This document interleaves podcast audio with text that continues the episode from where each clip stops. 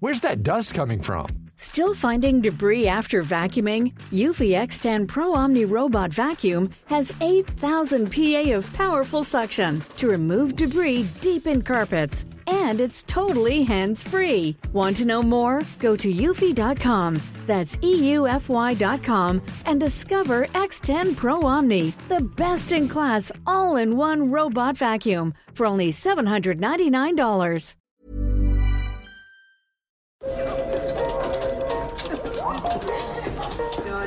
Dette er lyden av norsk næringsliv.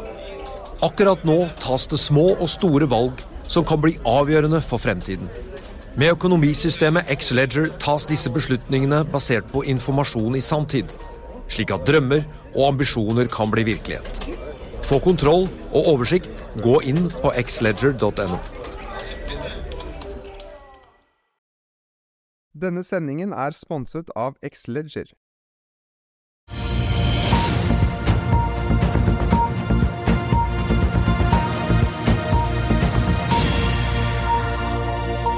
En riktig god mandagsmorgen og velkommen til Børsmorgen her hos oss i Finansavisen. Mitt navn er Benedikte Storm Bamvik, og med meg har jeg aksjekommentator Karl Johan Molnes.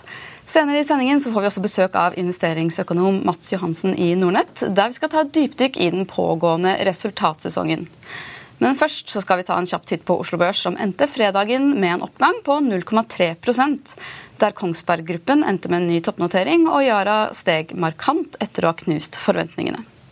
I dag så venter Nordnett-analytiker Roger Berntsen at Oslo Børs vil åpne, åpne ned 0,1 Av de tre ledende indeksene på Wall Street var det Nasdaq og SMP 500 som endte fredagen med opptur, der sistnevnte lå over 5000 poeng gjennom handelshagen etter å ha krysset denne grensen for første gang torsdag.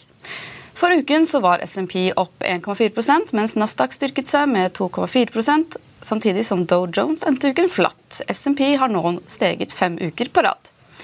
I Asia og stillehavsområdet er det blandet mandag morgen, der børsene i både Kina, Hongkong og Sør-Korea er stengt som følge av den kinesiske nyttårsfeiringen. I Kina vil markedet holde stengt ut hele uken. Når det gjelder oljeprisen, så har den steget med omtrent 0,2% siden midnatt, og et fat nordsjøolje handles nå for 81 dollar og 87 cent. I andre nyheter så har Jon Fredriksen bestilt inntil 18 nye råoljetankskip, i tillegg til flere produkttankere på kinesiske verft. Dette kommer da etter at Frontline skulle overta de 24 nye Euronav-tankskipene i VLCC-klassen for 2,35 milliarder dollar. Samtidig så har Bård Drilling fått tre nye riggkontrakter. BV Energy forlenger Norv med to måneder, Mista forlenget med tolv, mens Thor har fått en kontrakt på 70 dager i Sørøst-Asia. I helgen ble det også kjent at nå Tesla gjennomfører nye priskutt, men denne gangen så er det i det amerikanske markedet. Det skjer tre uker etter at de kuttet prisene på selskapets mest populære bilmodell her til lands, Tesla modell Y. I januar så advarte selskapet om betydelig lavere salgsvekst i år, ettersom selskapet vil fokusere mer på produksjon av Teslas neste generasjons elektriske kjøretøy med kodenavnet Redwood. Samtidig så har OpenAI-sjefen Sam Altman et nytt prosjekt på trappene, nemlig å omforme halvledermarkedet. Til prosjektet så skal Alton være på jakt etter opp mot 7000 milliarder dollar i kapital. Drøyt 74 000 milliarder kroner, ifølge Wall Street Journal. Når det gjelder nye oppdateringer fra meglerhusene, så nedgraderer Sparebank1 Markets Kongsberg Gruppen fra kjøp til hold, men løfter kursmålet fra 580 til 630 kroner. Også DNB Markets, ABG Sundal Collier og Carneger høyer sine kursmål i Kongsberg Gruppen etter selskapets kvartalsrapport fredag, men uten å endre anbefalingen. DNB jekker opp til 680 kroner. Carnegie oppjusterer fra 659 til 685, mens ABG jekker opp fra 550 til 580. Vi er straks tilbake etter en kort pause, og der skal vi se da Mats Johansen. Vil du bli oppdatert på det viktigste som har skjedd innen finans og næringsliv? Da er det bare å følge med, for hver morgen er jeg, Marius Lorentzen og aksjekommentator Karl Johan Malnes på plass i studio for å ta tempen på dagens marked i Børsmorgen. Og hver ettermiddag oppsummerer vi alt du trenger å vite i økonominyhetene, og det blir selvfølgelig masse interessante gjester. Klikk deg inn på fa.no-tv, eller søk opp Børsmorgen og Økonominyhetene der du hører på podkast.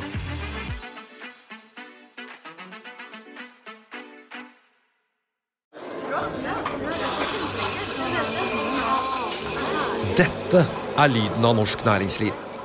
Akkurat nå tas det små og store valg som kan bli avgjørende for fremtiden. Med økonomisystemet X-Leger tas disse beslutningene basert på informasjon i samtid, slik at drømmer og ambisjoner kan bli virkelighet. Få kontroll og oversikt, gå inn på xledger.no. Denne episoden er sponset av van Brun, en fremtredende smykkeforhandler kjent for sitt brede utvalg av forlovelsesringer, gifteringer og diamantsmykker som bæres og elskes i generasjoner. Et frieri er en av de største øyeblikkene i livet, hvor forlovelsesringen er et tidløst symbol på kjærligheten. Valg av ring krever omtanke for både hvilket metall og diamant, med et bredt spekter av både naturlige og labdyrkede diamanter, og metaller som platina, gult gull, hvitt gull og roségull, hjelper de deg med å sette et personlig preg på din kjærlighetshistorie. Van Brun vil gjerne invitere deg til å prøve på tre av dine favorittringer fra nettsiden helt kostnadsfritt. Du kan også låne et bredt spekter av frieriringer, slik at du og din forlovede kan velge en ring sammen etter det store ja. Van Brun tilbyr 90 dagers åpent kjøp og 90 dagers gratis størrelsesjustering. Utforsk deres eksklusive sortiment i luksuriøse omgivelser. Bok en konsultasjon sammen med en diamantekspert i deres showroom i Oslo. Eller online på vanbrun.com. V-a-n-b-r-u-u-n.com.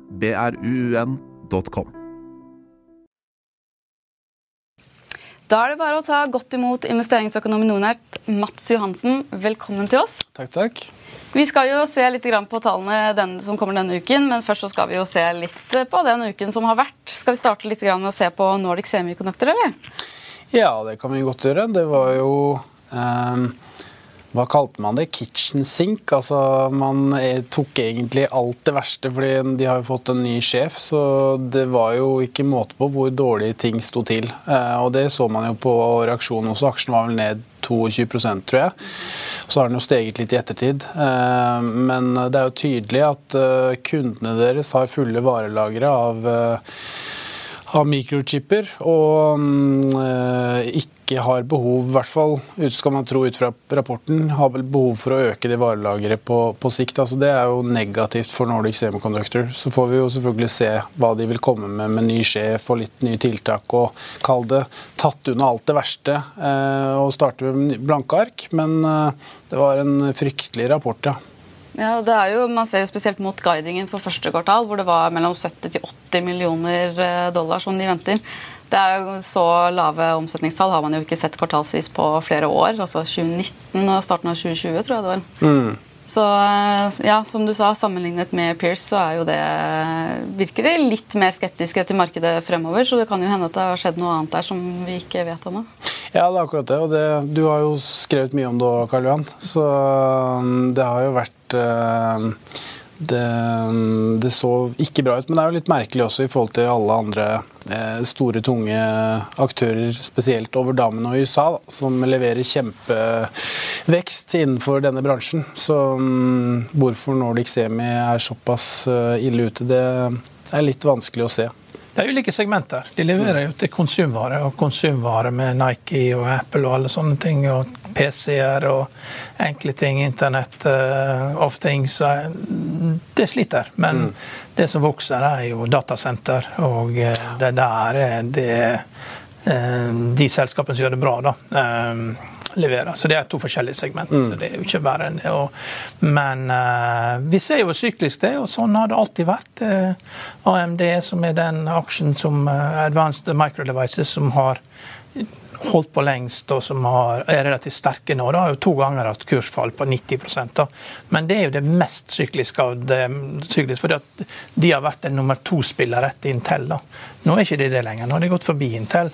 Men når du er eh, nummer to så, så, så, i en veldig syklisk bransje, så får du sånne kursutslag. Men eh, Nordic Semiconductors er jo litt mer sin egen lykkes med. De har jo gode, gode, unike produkter mot kundene, og da skal du ikke få så store svingninger. Men det har vi fått likevel. Og vi brukte jo å si det før i gamle dager, at tommelfingerregelen var at en nedgangskonjunktur, to tredjedeler av den var en nedgangskonjunktur. Det var, var lagerendring. Og, og det er klart det er litt vanskelig å se hva som skjer på lagrene til Nike. Og, mm. og selv om salget, og vi kan se salget, så klarer vi ikke å se lagerendringene. Men det har altså vært nok da, til å senke aksjen med 50% Og så da, Hvis du skal se på de litt mer avanserte selskapene som Nvidia og sånn, som blir beskyldt for å selge til seg sjøl, så kommer, eh, da kommer brevet mye raskere i posten når det først smeller. Så det, det er et helt annet spill. Ja. Det var jo ikke bare Nordic som var i tech-sektoren som kom med tall forrige uke. Vi får ta det litt videre. Vi har jo snakket veldig mye om Nordic. Karl mm. Det var jo også Skipsted og Telenor var jo blant også de tungtvekterne som kom med tall. og Da var det jo også nyheten om at eh, Skogen Lund går av som toppsjef mm. i Skipsted. Var det ventet i det hele tatt? Jeg tror det lå litt i kortene i og med at man, uh, man solgte unna denne news media-biten. Og så har det vært mye diskusjoner blant meglere har jeg sett om de har solgt det for billig. For jeg så jo i rapporten der at de leverte jo egentlig ganske god, god vekst. Uh, men det er klart, nå blir jo Skipsted et rent sånt classified selskap. Og det er klart, da kan det jo godt være at man trenger å ha behov for en ny kompetanse for å satse på nye, nye forretningsområder og kanskje bli enda mer rendyrka sånn sånn tech-selskap. og kanskje også da faktisk få enda mer interesse fra internasjonale investorer. For jeg tror det er det som har ligget litt på Schibsted, at man som, hvert fall som internasjonal investor har hatt vanskelighet for å forstå helt hva det er for noe. For det har vært en samling av mye forskjellig. Eh, og så, mens nå så har du fått solgt unna den News Media-delen og kan rendyrke det mer som et sånt tech-selskap, og sannsynligvis også da prise opp multipperen enda mer likt, kall det eh, et rent tech-selskap, da. Det blir et enklere investeringscase? Ja, jeg vil tro det. I hvert fall for i hvert fall sånn som business er i dag. Det var jo lettere før å investere i aviser og, og nyhetsmedia osv., mens i dag er det nok mye lettere å investere i, i ulike rubrikkannonser og fysiske plattformer osv. Ja. Så har det vært også veldig mye omtale rundt denne Viaplay-investeringen. Den skal de jo nå ut av. Mm. Stemmer ikke det? Jo, det ser jo ut til å være en god beslutning. Det var jo mange som lurte på hvorfor de i hele tatt gjorde det, og det kan man jo spørre seg. Men det var vel kanskje et opportunistisk bet da, i forhold til at de har sett at eh, det ligger mye muligheter for rettigheter, Premier League, eh, vintersport etc., golf, eh, som gjør at jeg tipper at de Det var et opportunistisk bet, og så så de at det fungerte ikke. og og da er det vel bare å ta rett rett. Og, og det, ikke, det, var jo ikke mye penger å snakke om slikt sett, hvis man ser på Skipsstedet sin, sin omsetning. Men uh, ja, jeg tipper at det, man innser at man gjorde en feil. Hva tenker du, Karl Johan? Ja, jeg er enig i det. Det er mm. helt enig. Skal vi snu litt mot oljeselskapene? oljeselskapene? Aker, BP og Equinor mm. var jo også to store giganter som kom ut eh, med tall eh, forrige uke. Og da var det jo eh, la Aker BP for første gang frem sine planer for olje- og gassproduksjonen i år. Og det var godt under forventning. Mm. De, altså ledelsen i Aker BP har jo hatt en historikk for å være litt konservative på, på guidingen.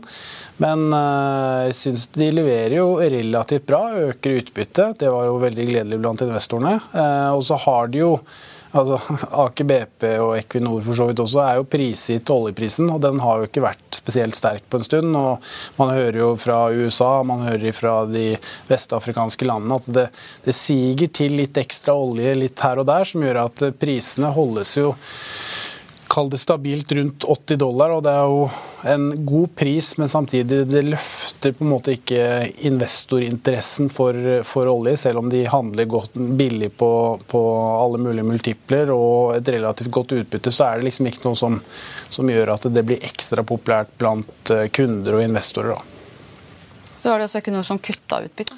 Ja, det er jo enda verre. Det er jo, som vi snakket om litt før sending her, at gassprisen har jo falt mye. Eh, fra rekordnivåer bare for noen år siden, eh, mens det har egentlig vært en ganske varm vinter i Mellom-Europa. Og det har vært nok gass, noe som har gjort at den selvfølgelig også har falt. Kutt i utbytte og mer investeringer i fornybar tror jeg var framfor å øke utbytte eller eventuelt kjøpe tilbake aksjer eller investere i nye felt, tror jeg var negativt også for markedet. Og så tror jeg også du får den eh, reaksjonen spesielt blant utlendinger og kanskje amerikanske utbyttefond at eh, når Equinor kutter utbytte, Aker BP øker utbytte, Shell øker utbytte, BP øker utbytte, så er det lett å sitte i New York og flytte penger over fra Equinor til eh, disse type konkurrentene som øker utbyttene. og Det gjør jo at du får en sånn 5-6% fall på talldag som du fikk på Equinor, som var Hva var det de var ned? Jeg tror det var hvert fall i løpet av to dagene så tror jeg du tappa nesten 90 milliarder i markedsverdi, som var jo helt ekstremt. og de hadde vel, Equinor hadde vel sin verste børsdag siden eh, mars 2020, så vidt jeg husker. Så det var store tall i sving den dagen. Hva tenker du om da Equinor og Aker som investeringscase? da? Nei, altså det er klart det er jo, eh, de er jo billige på, på, i forhold til utbytteavkastning og på multipler. Og så er det jo litt Det koker jo ned egentlig hva man tror om oljeprisen. Veldig mange nå tror jo altså Hvis vi ser på den positive siden, så holder den seg jo relativt høyt på rundt 80-82 dollar. Eh, og break-even-kosten på de fleste selskapene er jo lav, så de tjener jo masse penger. Så hvis du sitter og vil håve inn utbytte over lang tid, så er det en god investering. Har, håper du at eh, hva skal jeg til å si, oljeprisen skal opp mot 100, så er jeg nok litt mer skeptisk med tanke på at man ser at det flommer over av olje nå. og eh, Saudi-Arabia er jo egentlig den eneste som sitter og kutter produksjonen og egentlig bare venter på å kunne få produsere mer.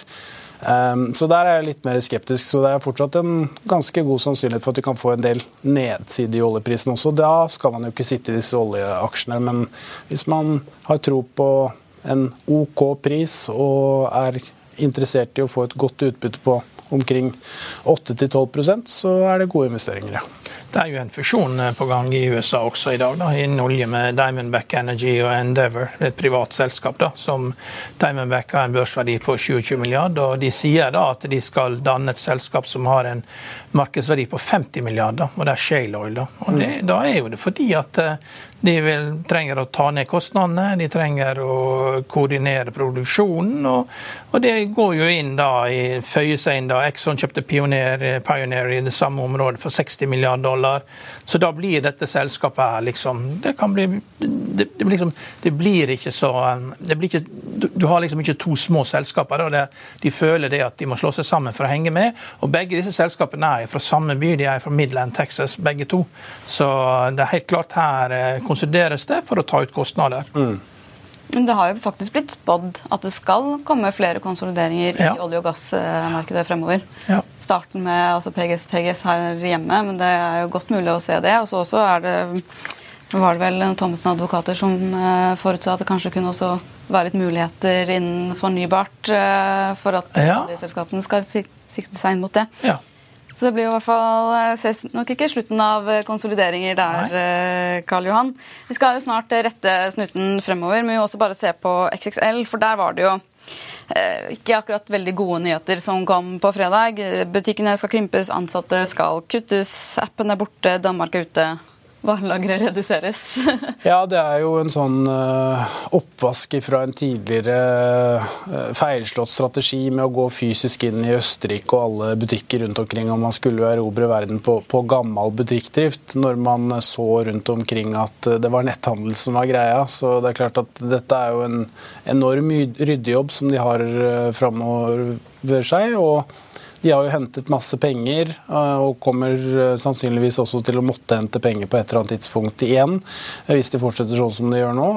Så det er jo klart det er, det, det er, litt sånn i motbakke, og spesielt med konsumenten som ikke nødvendigvis er Hva skal jeg til å si Eh, i den beste toppshapen nå, med tanke på at det er høy inflasjon, det er høyt prispress osv. som gjør at du, du, venter litt med å kjøpe de nye skiene, kanskje. Eh, så det er et vanskelig marked, og, og, og det, er, eh, det bærer jo også resultatene preg av. I tillegg til de som venter på å kjøpe ski, burde man også vente med å kjøpe XSL? Ja, det vil jeg altså Nå sitter ikke jeg og følger den aksjen hver eneste dag, men det er klart at det har ikke vært en god ut, uh, utvikling nå. og Så man på resultatene, så ser det heller ikke spesielt bra ut, uh, i hvert fall de neste månedene. Så, men klart, ting kan snu. Det skal jeg ikke sitte her og hevde at det ikke gjør, men uh, det var i hvert fall ikke bra, den rapporten som kom. Det ser jo ut som Frasers er i ferd med å ta over da, og legge inn et bud på dem på et eller annet tidspunkt. Da. Men det er ikke sikkert det blir så hyggelig, det budet. da. Kan hende ikke skjer i form av en kapitalutvidelse. Men eh, signalet er jo når da XXL går ut av Danmark, for eh, Frasers er jo store i Danmark. De fikk jo Danmarks største sportsbutikkjede i fanget, for det var noen russiske oligarker som måtte selge det. Og eh, fra da å ha startet ut med å bygge et gigantisk lager, det tror det også med autostore-løsning nede på grensen til Luxembourg. Og liksom, ta, liksom prøve å gjøre én og én butikk. Da. Jeg tror de har bare én butikk i Tyskland, var det de hadde sist jeg så på det. I alle fall. Så, så er dette her at de så det at ok, kanskje det kan være greit å ta hele kjeder eh, i Danmark, og da kanskje hele kjeder i eh, i Norden også, men det, det, det, er greit at det er restrukturert, og at det er det er sånn at det er ferdig restrukturert i det du tar over det. da. Mm. Og Det kan hende du trenger én emisjon til før du får til det. og Dette her er ikke noe som man skal være med på. altså Hjelpe Frasers med kapitalkostnadene i omstillinga. Det skal man la være. altså Det, det fins bedre ting å gjøre enn det. Ja, og så tror jeg at Tidligere så var vel XXL liksom det billigste og dit man dro. Nå er det blitt mye mer spesialisert. Skal du ha løpesko, så går du på løpelabbet. Skal du ha altså jeg så var det dere som hadde en artikkel om bull, ski og kajakk, tror jeg, som, ikke, som håpte på å ikke vokse så mye, for de har vokst så mye. da. Så det er jo klart at det er jo også kanskje skjedd noe sånn med konsumenten at man søker mer ekspertise enn å få noe som er helt OK på alt. Um, så jeg vet ikke, det kan være sånne type atferdsmønstre også som jobber litt i motvind for XXL. Nettopp. Du nevnte jo Autostore, eh, Karl Johan. De kommer med tall på onsdag. Og Der er det jo knyttet veldig mye spenning til ordreinngangen til Autostore. Der har de jo slitt litt de siste månedene. Hva mm. tenker du med det, Mats? Nei, det kan jeg ikke nødvendigvis så mye om. Eh, så der tror jeg egentlig jeg spiller ballen videre til Karl Johan, som, eh, som følger med mer enn det jeg er på akkurat de. Der overlater jeg det også til analytikerne. Ja. Det, jeg vil ikke prøve å gjette på det, men ja. det, er, eh, det, er, jo stor risiko, da. Og eh, det er jo derfor man har flinke analytikere. Så Mossig i Sparebank1 eh, Markets, det er bare å vente på hans neste rapport, og det er the moment of truth. Ja. Det ser ut som analytikerne ikke er enige med hverandre, de heller. For der er det ganske stort sprik i forventningene til onsdagen. Ja. Så det er i hvert fall spennende å se. Det er noen som følger med mer enn andre, da. Det er, noen, altså, der, det er jo bare å gjette. Mm. Men der tror jeg det er ja, litt i forhold til ordreinngang, men skal man, skal man, se på økonomien sånn generelt, så går det jo litt svakere. Det er høyere renter osv. som uh, Autostore bl.a. har blitt rammet uh, veldig av. Så um, jeg, jeg, tror man kan uh, Man skal i hvert fall sitte litt fram på stolen hvis man sitter som aksjonær. Det tror jeg nok. Nettopp. Ja, det, det, er generelt ikke noe lurt å, å gamble på aksjer over resultatene, og spesielt ikke Autostore-resultatene. Mm. Da noterer vi oss det. Eh, laks blir viktig denne uken her. Mowi og eh, SalMar de kommer jo med tall. og Da har jo som snakket Mowi allerede varslet markedet om at de venter eh, operasjonelt driftsresultat på 203 millioner euro i fjerde kvartal. Men det er jo andre ting som har preget disse selskapene den siste tiden. Det har jo vært veldig mye med utfordrende biologi. Mm. Hva tenker du om disse selskapene nå, Mats? Nei, altså Det har jo vært uh, veldig mye ting siste årene, hvis man drar seg om det. En ting er jo biologi, som du sier. En annen ting er jo skatt og, og myndigheter og, og, påslag her og der. Og så har du uh, valutakursen, selvfølgelig, som har, uh, som har, vært i deres fordel. Så, men det er som du sier, det er mye biologiske problemer nå, men det har det egentlig alltid vært i større eller mindre grad. så jeg vil anta at uh, selskapene har uh, relativt god kontroll på det. Og så kan det jo hende at man får en del overraskelser. Det fikk vi jo ved sist resultatfremleggelse uh, blant en del av selskapene. Men SalMar, Movi og en del av disse større norske selskapene har relativt god kontroll på det. Og så er det klart natur er natur, så man vil bli rammet av ulike biologiske utfordringer til tider. Men eh, ja, det er egentlig en sånn Det er det, det, er det vanlige holdt opp for den bransjen. Ja, for Nå virker det som at det har vært perlesnormaneter som på en måte har vært stikkordet her, i hvert fall med de som driver virksomhet eh, i Norge. Og så var det jo SalMar som tidligere varslet om destruering av 1,3 millioner fisk som følge av disse perlesnormanetene. Mens Movi også har meldt om økt dødelighet pga. Eh, maneter. Ja, men de store selskapene har gjort det bra. Både SalMar og Movi. Overraskelsen har tendert til å komme i de mindre selskapene. Så mm. det, der er, når du har mange anlegg, så flere bein å stå på gir også flere bein å snuble i. Mm. Så det, når du blir stor, så er det rart om ikke et eller annet som ikke er helt rett. SalMar har blitt kjempestor, de også. ikke sant? Mm. Det er jo denne uken her, og så kommer det neste uke. Da er det vel Bakkafrost annet, som kommer med olje? Ja, Bakkafrost er jo et interessant selskap. for De gjorde det så lenge så perfekt at det, ble litt kjedelig. og Så etablerte de seg i Skottland og fant ut at oi, her er det tidevann og her er det masse nye problemer som jøss, ingen fortalte oss om dette her. Eh, så nå, nå, sliter jo de, da, sånn som alle andre som etablerer seg i Skottland, med å, å drive på en fornuftig måte. Da. Så det, det, er ikke så mange som har lykkes godt med det. altså. Det, der sliter sliter man. For det er jo en annen natur. Det er mye vanskeligere, mindre forhold. Er, du får ikke samme stordriftsfordelen, og det er ikke Færøyene. Så det er jo, det er jo problemet med Bakkafrost, at de er blitt litt mer som et annet selskap. Altså, du kan ikke stole på den guidinga de gir, da, som guiding for Færøyene kan du stole på, men det de sier i Skottland, det, det som fleste andre som har vært der, det har du ikke kontroll med. Det er for mange usikkerhetsfaktorer. Så de det var for kjedelig å være perfekt. Så det, da, da gikk de til Skottland. Vi må dessverre vente litt over en uke før vi får svar på det. da. Men i morgen allerede så kommer jo Vår Energi. Da får vi jo bl.a. Eh, sjefen inn her i studio. Mm. Eh, hva tenker du om dette selskapet da, Mats? Nei, altså De har jo hatt mye problemer med disse nye prosjektene sine. og Det har liksom til stadighet vært noe der. For veldig mange investorer, analytikere osv. er jo veldig på anbefalingssiden, fordi selskapet har blitt billig. Jeg skal ikke sitte og uttale meg om det har blitt, men eh, jeg noterer meg i hvert fall at de sliter litt organisatorisk med å gjennomføre en del prosjekter. Og så vil jo de også bli rammet av lavere gasspriser og lavere oljepriser. Som, som, eh, så jeg tror mye av det går nok på om de klarer å guide bra på prosjektene framover, og ikke minst om de klarer å opprettholde et OK utbytte. Det tror jeg liksom er det det står og faller på sånn kursreaksjonsmessig i løpet av morgendagen. Så er det sånn Norsk Hydro etter hvert òg? Ja, men Vår Energi, dersom de kommer ut og de ikke de liksom ikke kommer med ytterligere kostnadsoverskridelse på noen av FPSO-prosjektene, så vil jo aksjen gå opp. Fordi at man forventer jo det at det skal stadig komme kostnadsoverskridelser. For når det først begynner å skli, det blir liksom litt sånn som eh, regjeringskvartalet. altså Det tar jo aldri slutt før det er ferdig. Det blir bare verre og verre og verre. Fordi at man har ikke regna rett på dette her. Så det, så det, det, det, det, det er liksom Du skal være veldig godt informert om at det ikke blir kostnadsoverskridelser for å sitte på den aksjen over tallene i morgen. Fasiten får vi da selvfølgelig i morgen tidlig. Ja, ja. Så får dere også tatt en uh, intervju med Nick på, uh, under sendingen. Han er smooth, vet du. Kommer en brite ja. vet du. Of course, we, we will do our best. Men yes, Norsk Hydro, dere. Hva er forventningene? Du snakket jo, Vi har jo allerede snakket litt om olje og gass, men det er jo mm. nå, dette er vel en av de største denne uken her som kommer mm. med, med, tall. Hva er forventningene?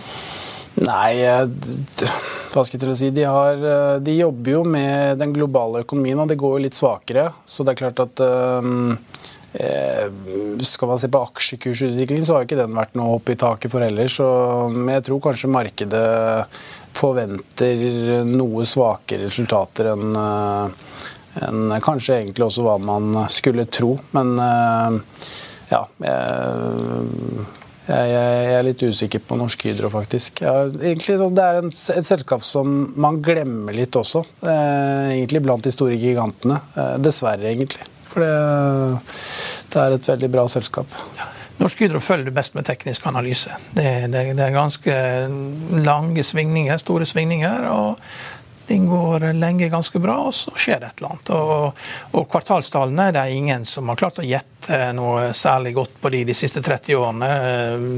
For det er for mange bevegelige deler, det er for mange ting som eh, de holder på med. Sist så dro de opp noen nedskrivninger fra Brasil og nedskrivninger på ja, det, var, altså det, det er for vanskelig. og det det er masse flinke folk, og eh, de gjør sikkert, helt sikkert ting riktig, men det er for komplisert. og Hadde ikke det vært mye flinke folk der, så hadde jo Norsk Hydro vært konkurs for lenge siden, bortsett fra vannkraften. For det er vanskelig de holder på med, er veldig vanskelig. Eh, så misunner ikke den jobben. Så har jo de heldigvis da eh, fått inn samarbeid med det australske Macquarie da, på fornybart. og Det er jo, det er et skup. Det viser jo bare kapasiteten til organisasjonen da, i å sikre seg partnere. Så masse flinke folk og, og mm, problematisk business å holde på med, rett og slett aluminium.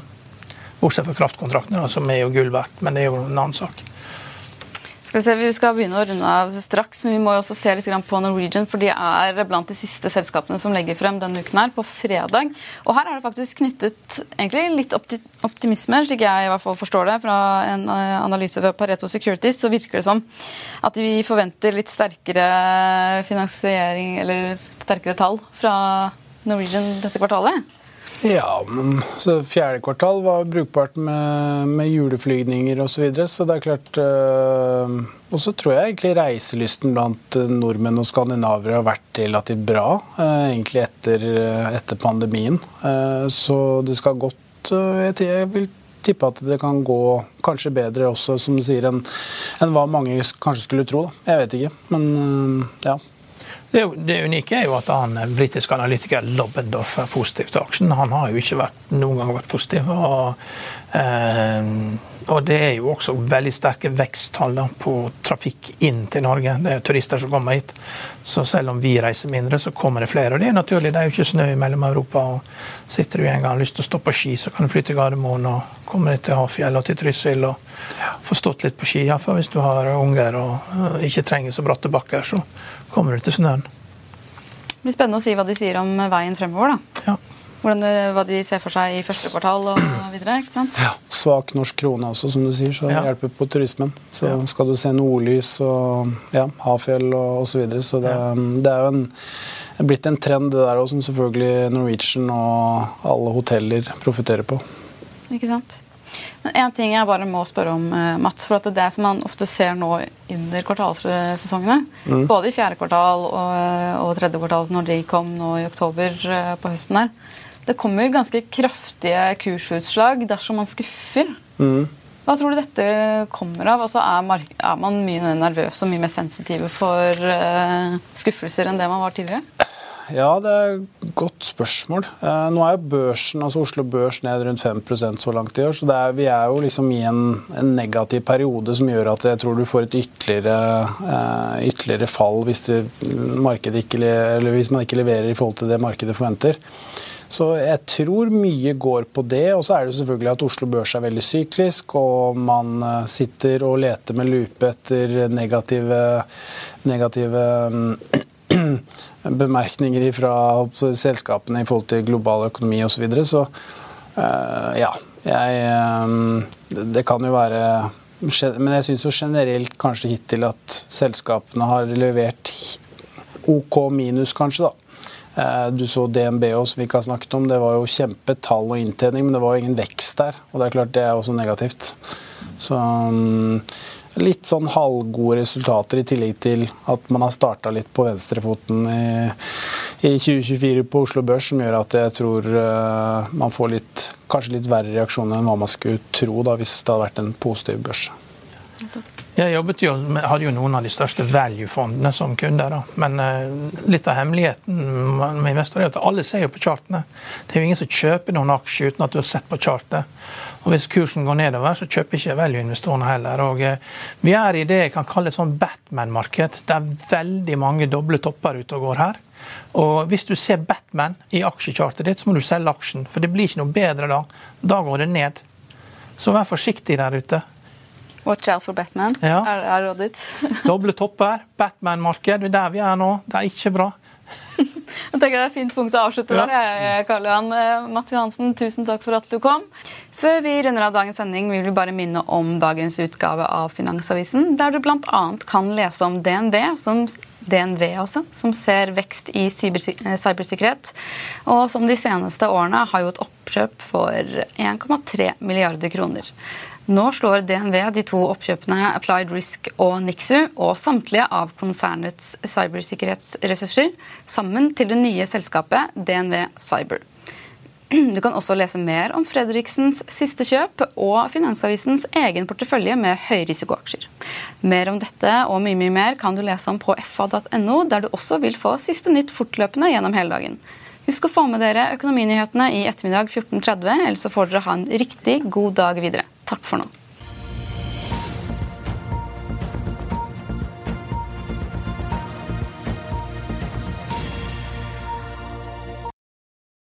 Denne sendingen er sponset av Xleger. Økonominyhetene er en podkast og videoproduksjon fra Finansavisen. Programleder er Marius Lorentzen. Aksjekommentator er Karl Johan Molnes. Produsent er Bashar Johar. Podkast- og videoansvarlig er Marius Mørk Larsen. Og ansvarlig redaktør er Trygve Hegnar.